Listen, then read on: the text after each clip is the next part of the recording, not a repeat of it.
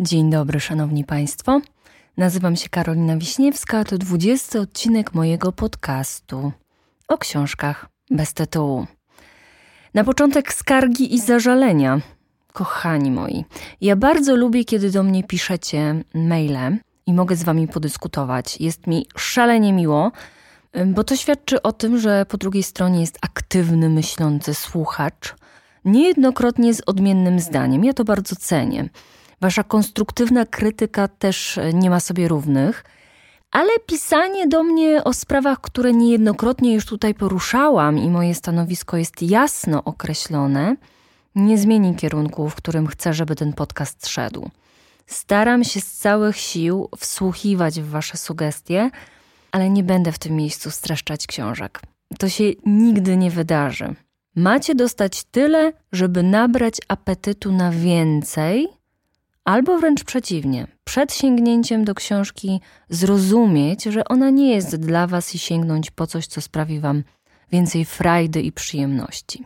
Z uporem maniaka powtarzać będę, że opowiadam o tym, co przeczytana książka zrobiła mi w głowie, jakie zapadki otworzyła, jakie wspomnienia przypomniała, a już na bank nie będę tłumaczyła, co autor miał na myśli, bo w końcu mogę tego nie robić, bo w końcu mogę się od tego odciąć, od tych schematów, jakie narzucono mojemu pokoleniu w szkole. Książka ma otwierać umysł, ma trącać czułe struny. Wymaganie od czytelnika, że ma dojrzeć w niej, w tej książce, dokładnie to samo, co kiedyś tam ktoś inny, jest w mojej opinii wbrew temu, co w literaturze jest najpiękniejsze. A najpiękniejsza jest różnorodność i świeżość spojrzenia każdej nowej osoby, która po daną książkę sięga. W liceum czułam się źle, bo ja te klucze to tak kiepsko strzelałam. Uwolnienie umysłu nadeszło dopiero na studiach, kiedy to miałam zajęcia, które nazywały się Analiza dzieła literackiego.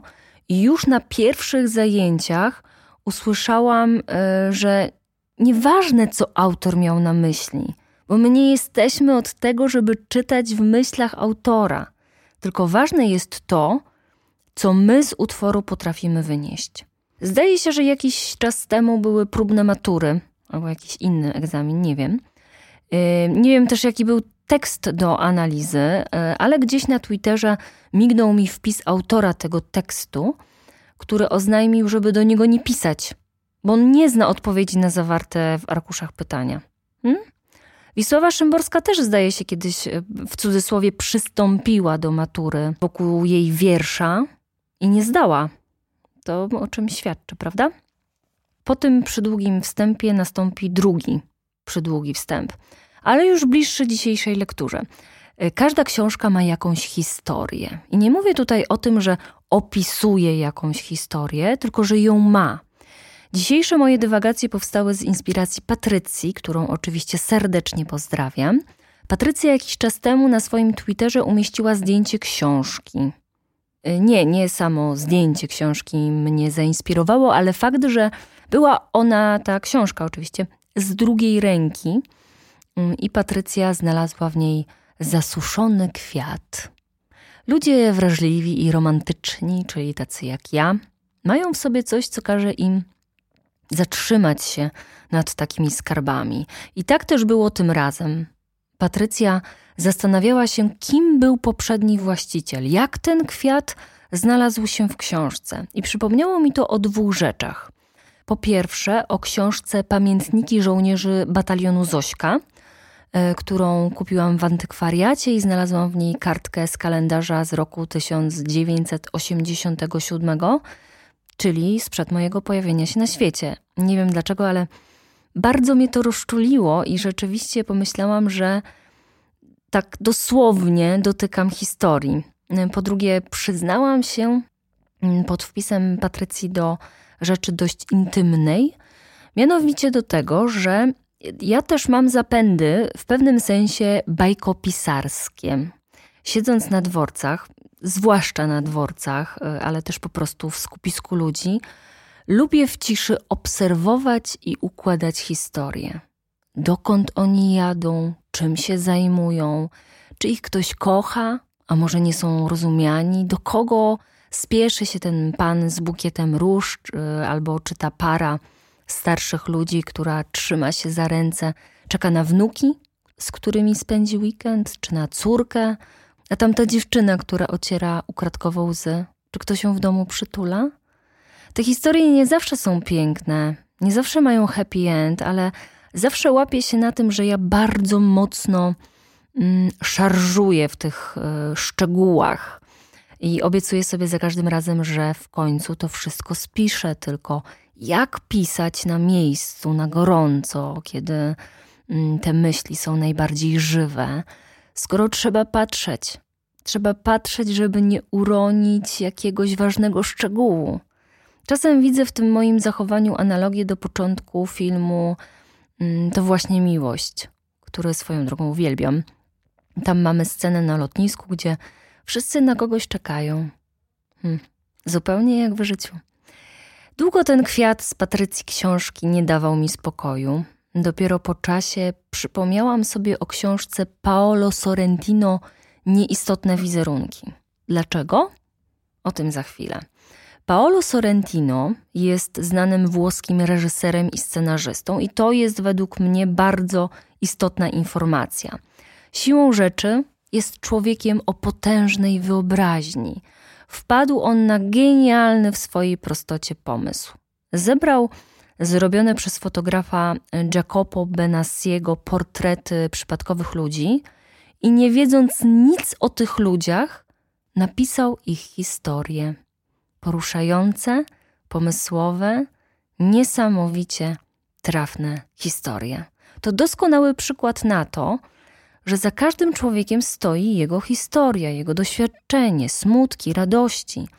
I tak naprawdę umiejętność uważnej obserwacji może sprawić, że nawet nasz widok, spojrzenie, ułożenie włosów, czy nie wiem, krzywo zapięta koszula Komu to się nie zdarzyło, niech pierwszy rzuci kamieniem, naprawdę. Może sprawić, że w umyśle drugiej osoby może nie tyle zyskamy jakąś łatkę, bo tego nie pochwalam, ale zostaniemy bohaterem, bohaterką historii, która nam nawet nie przeszłaby przez myśl.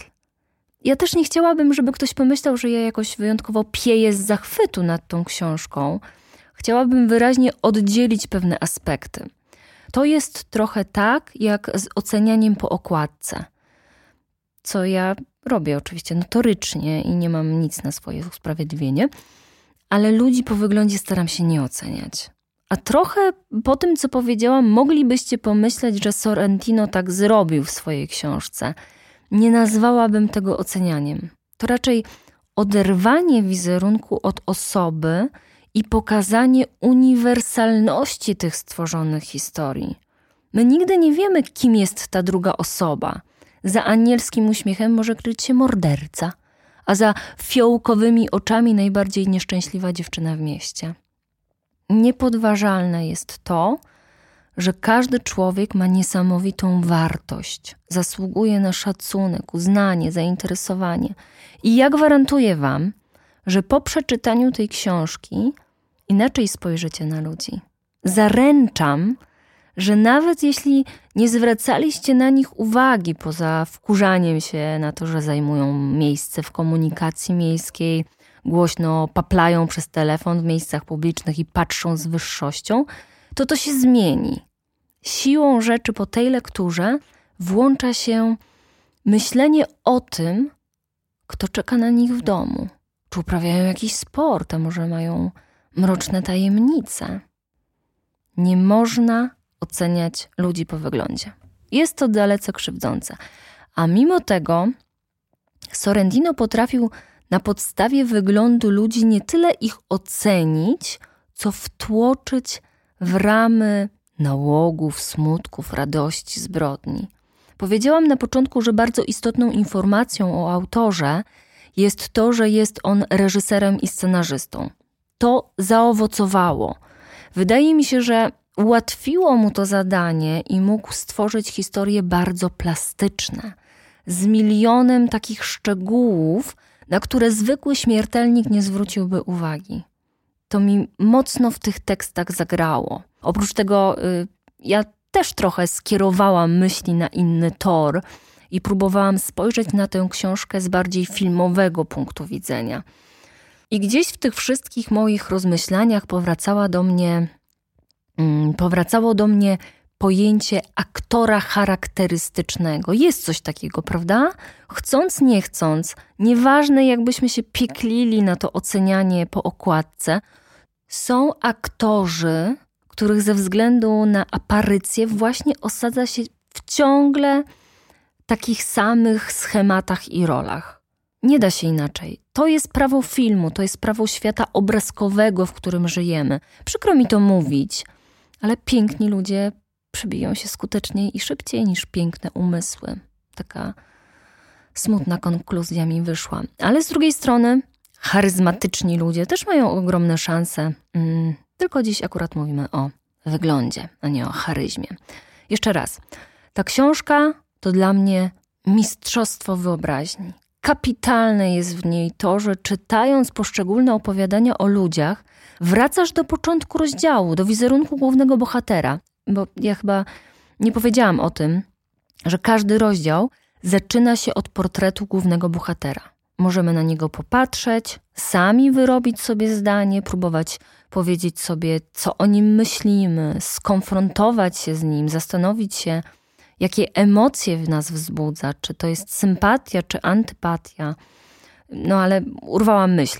W trakcie czytania wracamy do tych portretów i niezależnie od tego, co wcześniej myśleliśmy o tej osobie, przyjmujemy to, co napisał Sorrentino jako pewnik. I myślimy sobie, że rzeczywiście to mógł być ten zbrodniarz, ten nieudolny syn, kochający ojciec czy zazdrosna kochanka, ktokolwiek.